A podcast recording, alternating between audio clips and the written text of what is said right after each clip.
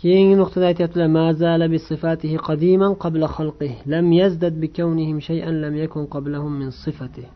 alloh taolo o'zining sifatlari bilan qadim qadim zamonlardan azaldan demoqchilar odamlarni maxluqotlarni yaratishdan oldin qadim qadim zamonlardan o'zining sifati bilan davomiy bo'lib kelgan zot. Ya'ni masalan insonlar. Mana shu insonlarni olib qarasak oldin hech narsa emas edi. Yo'q edi shu insonlar. Odam atoni yaratilishidan oldin butun vujudda bu koinotda inson degan zot yo'q edi umuman. Hech narsa emas edi. Keyin alloh taolo shu insonlarni yaratdi misol uchun. Yoki osmon yerlarni ham ayting. Osmon yerlar yaratilishidan oldin hech narsa emas edi. Umuman yo'q narsa edi yo'q edi. Keyin olloh uni yaratdi. Yaratgandan keyin ular nima bo'ldi? Bir narsaga aylandi. Yaratilgan bir narsa paydo bo'lgan narsaga aylandi. Bularning mana shu bir narsaga aylanib paydo bo'lganligidan keyin alloh taologa yangi sifat paydo bo'ldimi? Yaratuvchi yaratuvchilik sifati paydo bo'ldimi alloh taologa? Bu maxluqotlarni yaratishdan oldin xuddiki yaratuvchilik sifati yo'qmidi? Yo'q unday emas. Lam yazdad shay'an. Bularni bu maxluqotlarni bir narsaga aylanib paydo bo'lishliklari bilan alloh taolo biron bir narsaga ziyoda bir narsa biron bir narsasi ko'payib qolgani yo'q alloh taoloni. Ollohning sifatlaridan biron bir sifati oldin yo'q edi bu maxluqotlarni yaratgandan keyin paydo bo'lib ko'payib qoldi ollohni sifatlari degan narsa yo'q. Alloh taoloni hech qaysi bir sifati keyin paydo bo'lmagan deyaptilar. وكما كان في صفاته أزليا كذلك لا يزال عليها أبديا alloh taolo o'zining sifatlari bilan azal azaldan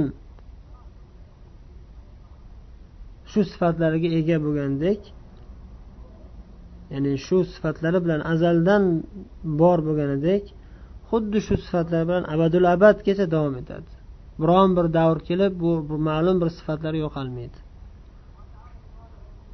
Azaldan qanday sifatlari bo'lgan bo'lsa azaliy sifatlari bilan davom etadi alloh taolo. Abadiy. Alloh taolo masalan o'zining eshitishlik va ko'rishlik sifati haqida aytganida innalloha kana samian basira. Albatta alloh taolo eshitib turuvchi ko'rib turuvchi bo'lgan zot ya'ni azaldan shunday bo'lgan degan. Innalloha kana azizan hakima. Shak shubhasiz alloh taolo azizu hakim bo'lgan zot. Aziz g'olib qahru g'alaba egasi bo'lgan zot. Hakim hikmatli barcha ishlarini hikmat bilan qiladigan zot bo'lgan deyapti. Ya'ni azal azaldan shunday. Innalloha kana aliman hakima yana bir oyatda. Albatta alloh taolo bilib turguvchi zot va hikmatli bo'lgan zot. Alloh taolo azal azaldan kechiruv kechirimli g'afur bo'lgan zot rahmli bo'lgan zot. Kana degani arab tilida davomiylikni isbotlaydi. Kana va la yazal. Shunday bo'lgan va shunday davom etadi degan. Alloh taoloning ismlari azaldan o'zi azaldan bo'lganday ma'lum bir davrda boshlanmagan azaldan ibtidosiz mavjud bo'lganday sifatlari ham o'zi bilan birga shunday. Nimaga? Chunki biron bir sifatini keyin paydo bo'lgan desa demak o'sha sifat bo'lishidan oldin ana shu sifat yo'q edi. Demak noqis edi. Ana shu sifat yetishmas edi degan ma'no kelib chiqadi.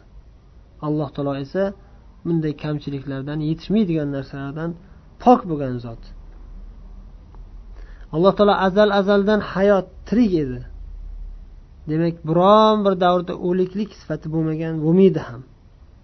Azal azaldan alloh taolo biluvchi zot edi. Hamma narsani bilib turadigan zot edi. Demak biron bir lahzada biron bir davrda bilmaslik degan narsa bo'lmagan alloh taoloda alloh taolo azaldan yaratuvchilik sifatiga ega edi hozir aytadilar keyingi nuqtada. Chunki yaratishlik sifatiga qodir bo'lgan zot azaldan shunday edi. Tajriba qilib yaratishlikni o'rganib sekin sekin kuchayib keyin yaratuvchi bo'lgan emas aslo. Alloh taolo bir narsalarni tajriba qilib o'rganadigan zot emas azaldan bilgan zot hamma narsani. Azaldan hamma narsaga qodir bo'lgan zot. Hech qachon bir narsa qo'lidan keladigan kelmaydigan bo'lmagan hech qachon. Alloh taoloning sifati barcha sifatlar azaldan o'zi bilan birga bo'lgan. Alloh taolo azaldan xohlagan ishini qiluvchi zot bo'lgan va xohlagan ishini qilishga qodir bo'lgan zot bo'lgan azal azaldan va alloh taolo azaldan gapirishlik sifatiga ega bo'lgan xohlagan payti xohlagan so'zini gapiradigan zot bo'lgan. Va abadul abad shunday davom etadi ahli sunna val jamoa ulamolari alloh taoloning sifatlarini umuman olganda ikki qismga bo'ladilar. Sifat zatiya va sifat fe'liya ya'ni bu yerda biza izoh uchun aytib o'tamiz buni. O'zi aslida buni indamasdan ketaversak ham insoniy fitrat bilan olloh yaratgan sog'lom fitratimiz bilan bu narsalarni tushunamizku lekin taqsimotlarda yana ham sal pal yaxshiroq tushunishimiz mumkin. Ulamolar bayon qilganday taqsimotlarga binoan. Ya'ni sifat zatiya alloh taoloning zotiga taalluqli bo'lgan sifatlar ya'ni ilm masalan eshitishlik ko'rishlik hayot qudrat izzat rahmliligi va qayyumiyat sifati qoyim bo'lib turishligi va hokazo bular nima? Sifat zatiya. Oliyligi bular sifat zatiya. O'zini zotiga taalluqli bo'lgan sifatlar. Endi bular azal azaldan bo'lib kelgan abadul abad davom etadi. Hech qanday bir biron bir vaqtga taalluqli emas. Hmm, biron bir vaqtga yoki irodaga xohishga taalluqli emas. Ya'ni alloh taolo qachonki biladi qachon xohlasa bilmaslikni xohlasa bilmaydi degan gap aytilmaydi. Qachon xohlasa ko'radi qachon xohlasa ko'zini yumib ko'rmay qoladi ko'rmasdan ko'zini yumib oladi degan narsa bo'lmaydi aslo. Alloh taolo hamma narsani doimo kuzatib ko'rib eshitib turadigan zot. Qachon xohlasa o'zini rahmlik sifatidan xoli bo'ladi o'zidagi rahmlik sifatini ketkazadi degan narsa aytilmaydi. Balki ma'lum bir bandalarga adolati bilan hukm qiladi lekin hech qachon zulm qilmaydi. Ammo rahm rahmliligi sifati o'zini zotiy sifatlaridan hech qachon alloh taolo rahmli bo'lishlikdan xoli emas. Rahmlik sifati alloh taoloda azaldan bo'lgan abadul abad davom etadi va hech qaysi bir vaqtda berahm bo'lmaydi alloh taolo. Va hokazo alloh taoloni zotiy sifatlari mana shunday ya'ni boshqa sifatlari ham bor zotiy sifatlari deyiladi. Endi ikkinchi qism sifatlari fe'liy sifatlar. Fe'l bajariladigan sifat. Ma'lum bir ishlarni bajarishligi ya'ni alloh taoloni ma'lum bir ishlarni bajarishligi ya'ni masalan arsh ustiga ko'tarilishligi. Kechasini oxirgi uchdan bir qismi qolganda birinchi osmonga tushishligi. Qiyomat kuni kelishligi. Kofirlarga qattiq g'azab qilishligi zolimlarga qattiq g'azab qilishligi. Bular fe'liy sifatlar. Buni alloh taolo qachon xohlasa qiladi xohlamasa qilmaydi deyiladi. Sifat fe'liya ya'ni masalan arsh ustiga osmonu yerlarni yaratishdan oldin arsh ustiga ko'tarilmaganda arsh yaratishidan oldin arsh ustiga ko'tarilmagan arsh arsh arshni yaratgandan keyin osmonu yerlarni yaratgandan keyin keyin arsh ustiga ko'tarilgan. Oldin bo'lmagan keyin bo'lgan deyiladi buni. Arsh ustiga ko'tarilishligi lekin umumiy fe'l bu bu bu bir fe'lni bir qism bir juzlaridan ya'ni bu. Tafsilotlaridan. Va qiyomat kuni kelishligi hozir kelmagan hali qiyomat kuni keladi deyiladi. O'zi qur'onda aytganidek lekin bular hammasi bitta narsaga taqaladi ya'ni istivo sifat ham arsh ustiga ko'tarilishligi birinchi osmonga tushishligi kelishligi g'azab qilishligi bular bitta narsaga bog'lanadi. Nima u narsa? Fe'lga. Fe'l bir narsani bajarishlik. Alloh xohlagan ishni bajarishlik sifati asl qoida bu azaldan bor. Olloh xohlagan ishini qilishlik sifati azaldan bor. Lekin ma'lum bir ishni o'zini aytadigan bo'lsak u azaldan deyilmaydi. Masalan mana shu arsh ustiga ko'tarilishligi. Bu azaldan arsh ustiga ko'tarildi deyilmaydi. Bu o'sha ishga xos. Ammo umumiy suratda xohlagan ishini qilishligi bu azaldan umumiy sifat. Xullas kalom bu ya'ni tafsiliy nuqtalar bular yani. ahli bidatlar mana shu narsani ajratolmasdan adashganlari bor shu zotiy sifatlar nimayu fe'liy sifatlar nima bir birisiga chalkashtirib yaxshi tushunmasdan shu masalalarda zalolatga ketib qolishgan endi uni zalolatga ketib qolishiga asl sabab o'zi asl sabab qur'on hadisni o'rganmaganligidan ba'zilari xolis niyat bo'lmaganligidan ba'zilar xolis niyat bo'lgan bo'lsa ham ustoziga qarab qolib o'zi ahli sunna va jamoa ulamolari ko'p o'sha ulamolardan dars olmaganligi. Bitta odamdan cheklanib qolib qur'on hadisni o'qimasdan yoki man o'qisam tushunmayman shu ustozim nima desa shu deb bir chekkaga kirib olganlik bir burchakka mana shunaqa narsalar sabab bo'lib qoladi. Ahli sunna ulamolari unaqa emas. Ahli sunna ulamolari qur'on hadisga asoslangan va taqvo bilan tanilgan ulamolarni yer yer yuzidan izlab qidirib yurishadi. Qayerda bir olim bor ekan desa borib o'sha ilm olishardi. Imom buxoriy masalan mingdan ziyod ustozlar bo'lgan. Xullas kalom haqiqatni o'rganaman desa qur'on hadis ochiq oydin va qur'on hadisni mahkam ushlagan ulamolar alloh taolo har zamonda o'shanday haqqoniy ulamolarni chiqarib qo'yadi. faqat ularni qidirib izlab borib xolis niyat bilan harakat qilib ilm olish kerak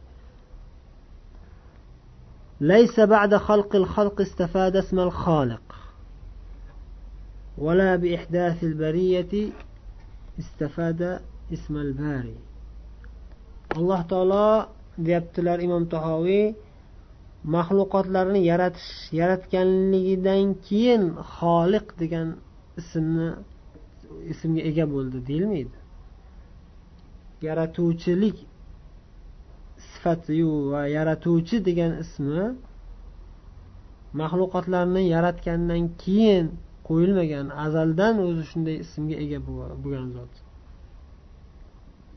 ولا بإحداث البرية استفاد اسم الباري الباري degan ismi bor alloh taoloni yo'qdan bor qiluvchi degani yo'qdan bor qiluvchilik ekanligi yo'qdan bor qiluvchi zot ekanligi ham o'sha borliqni mavjudotlarni yo'qdan bor qilgandan keyin alboriy bo'ldi. Albariy degan ismga ega bo'ldi deyilmaydi. Alloh taolo azaldan mana shunday ismga ega bo'lgan. Azaldan shu yaratishlik sifati va yo'qdan bor qilishlik sifatiga ega bo'lgan zot deyiladi. له معنى الربوبية ولا مربوب ومعنى الخالق ولا مخلوق alloh taologa rububiyat sifati azaldan bo'lgan vala marbub marbub ya'ni boshqarilib turiladigan maxluqlar yo'q bo'lganda ham alloh taolo boshqarib turuvchi sifatiga ega bo'lgan ya'ni parvardigorlik sifatiga azaldan shunga ega bo'lgan shunday sifat sohibi bo'lgan alloh taolo parvardigor bo'lganligi azaldan parvardigor bo'lgan. Parvardigorlik sifati boshqarib tarbiyat kunanda qilib tarbiyat qilib turishligi bular hammasi azaldan allohning sifati bo'lgan. Bu koinotda hech qanday bir yaratilgan maxluq bo'lmasa ham boshqarib turiladigan maxluq bo'lmasa ham alloh taoloda shu sifat bo'lgan degan ma'noda aytyaptilar. Va ma'nal xoliq vala maxluq. Hech qanday maxluq bo'lmagan bo'lsa ham hech qanday maxluq yo'q. Hech qanday maxluq yaratmagan alloh taolo. Misol uchun ma'lum bir davrda olloh o'zi azaldan bor bo'lgan lekin maxluqlar azaldan emas maxluqlar bo'lmagan payt bo'lgan desak o'sha payt ham alloh taolo yaratuvchi edi deyiladi deyaptilar. Lekin bu gaplari ya'ni dan boshqacha ma'no tushunmaslik kerakki ya'ni alloh taolo ma'lum bir davrda yaratishni boshlagan. Undan oldin yaratmagan edi hech narsani. Deb inkor qilinmoqchi emas bu yerda. Bu yerda alloh taoloni sifati va ismi azaldan borligi. Alloh taoloning shunday ismi sifati azaldan bor bo'lgan. Lekin maxluqlar har bir maxluq o'zini qarasangiz u azaldan emas.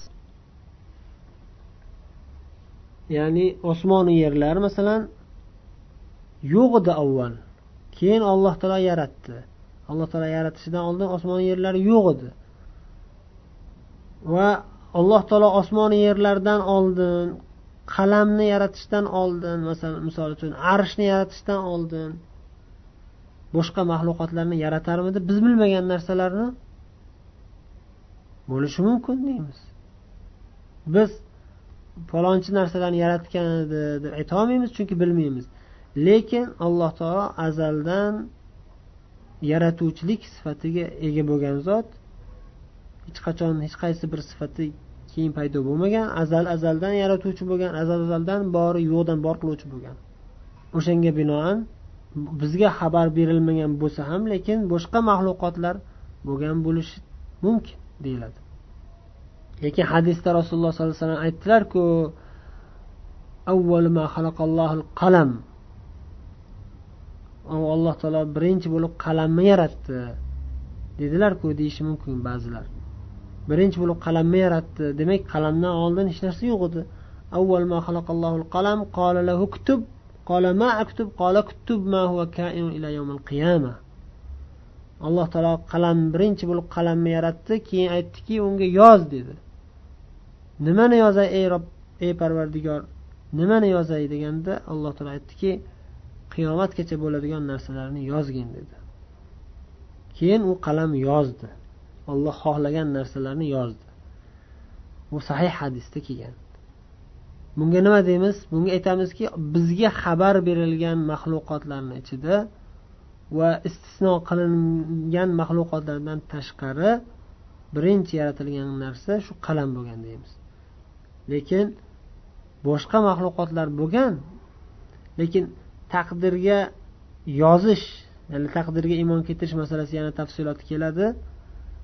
Taqdirga iymon keltirish uchun to'rtta martabaga iymon keltirishimiz kerak. Birinchi martaba ilm alloh taoloni ilmi azaldan hamma narsani bilgan zot. Ikkinchi martaba yozish martabasi yozganligi. Alloh taolo yozdirgan yozib qalamga buyurib yozganligi. Lekin ilm azaldan. Qalamga yaratishlik e, qalamni yaratib keyin yozdirishlik o'sha ma'lum bir davrda boshlangan ma'lum bir davrda bo'lgan undan oldin bo'lmagan vaqt bo'lgan ya'ni qalamni yaratilishidan oldin yozilmagan. Qalamni olloh o'zi yaratib keyin yozdirdi deymiz. Alloh taoloning arshi qalamdan oldin yaratilgan. Olloh arshni oldin yaratgan va suv oldin yaratilgan qalamdan oldin yaratilgan suv va bulut bo'lgan bulutga ama deyiladi. Bulut bular sahih hadisda kelgan narsalar. Bizga xabar berilgan sahih hadisda kelgan narsalar biz kayfiyatini shaklini bilmaymiz. Ammo lekin olloh yaratgan qalamdan oldin yaratilganligi xabar berilgan. Keyin qalam yaratilgan. Qalam yaratilib keyin lavhul mahfuz yaratilib lavhul mahfuzga yozdirilgan. alloh taolo qalamga buyurgan qalam lavhul mahfuzga yozgan keyin osmonu yerlar yaratilgan keyin alloh taolo arsh ustiga ko'tarilgan ketma ket tartiblangan mana shunday tartib ya'ni إن الله كتب مقادير الخلائق قبل خلق السماوات والأرض بخمسين ألف سنة بخمسين ألف سنة dedilar alloh taolo bu maxluqotlarning maqodirlarni o'lchovlarini taqdirini osmonu yerni yaratishdan ellik ming yil oldin yozdi dedilar. Osmonu yerlar yaratilishidan ellik ming yil oldin qalam lavhul mahfuzga yaratiladigan qiyomatgacha bo'ladigan narsalarni allohni buyrug'i bilan yozgan. Demak bu yerda imom tahoviy aytgan nuqtalarini quyidagicha aytib qisqacha yana bir bor sharhlaymizki alloh taolo maxluqotlarni yaratgandan keyin yaratuvchi bo'lib qoldi emas deyaptilar. Unaqa emas. Alloh taolo azaldan yaratuvchi edi. Azaldan yaratuvchi. Va yo'qdan bor qilgandan keyin borliqni mana shu mavjudotlarni yo'qdan oldin yo'q edi bu mavjudotlar. Yerlar yo'q edi osmonlar yo'q edi arsh yo'q edi suv yo'q edi bulut degan narsa yo'q edi qalam yo'q edi mana shu narsalarni yo'qdan bor qildi alloh taolo. Shularni bor qilgandan keyin boriy bo'ldi emas. Azaldan boriy edi. Azaldan yo'qdan bor qiluvchi bo'lgan zot edi. Va parvardigorlik sifati ham azaldan edi.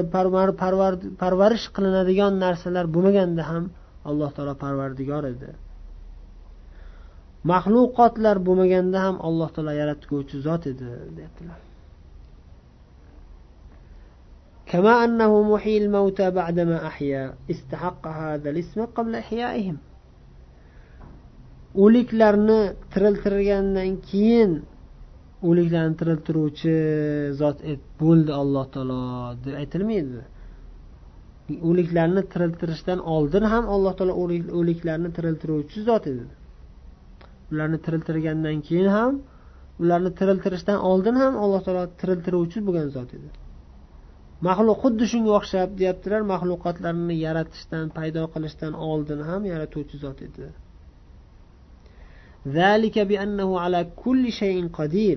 Chunki alloh taolo hamma narsaga qodir bo'lgan zot. ذلك بأنه على كل شيء قدير وكل شيء إليه فقير وكل أمر عليه يسير. چونكي الله تعالى هم نرسلر قادر بغن ذات وهم نرسل برچ نرسل الله تعالى مختاج وفقير بغن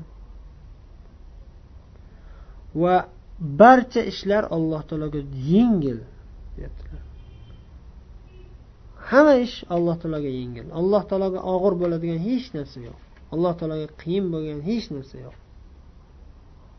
La yahtaju ila shay. Alloh taolo hech narsaga hojatmand emas. Hojati tushmaydi. Alloh taolo hech narsaga hojati yo'q. Hech narsaga muhtoj emas.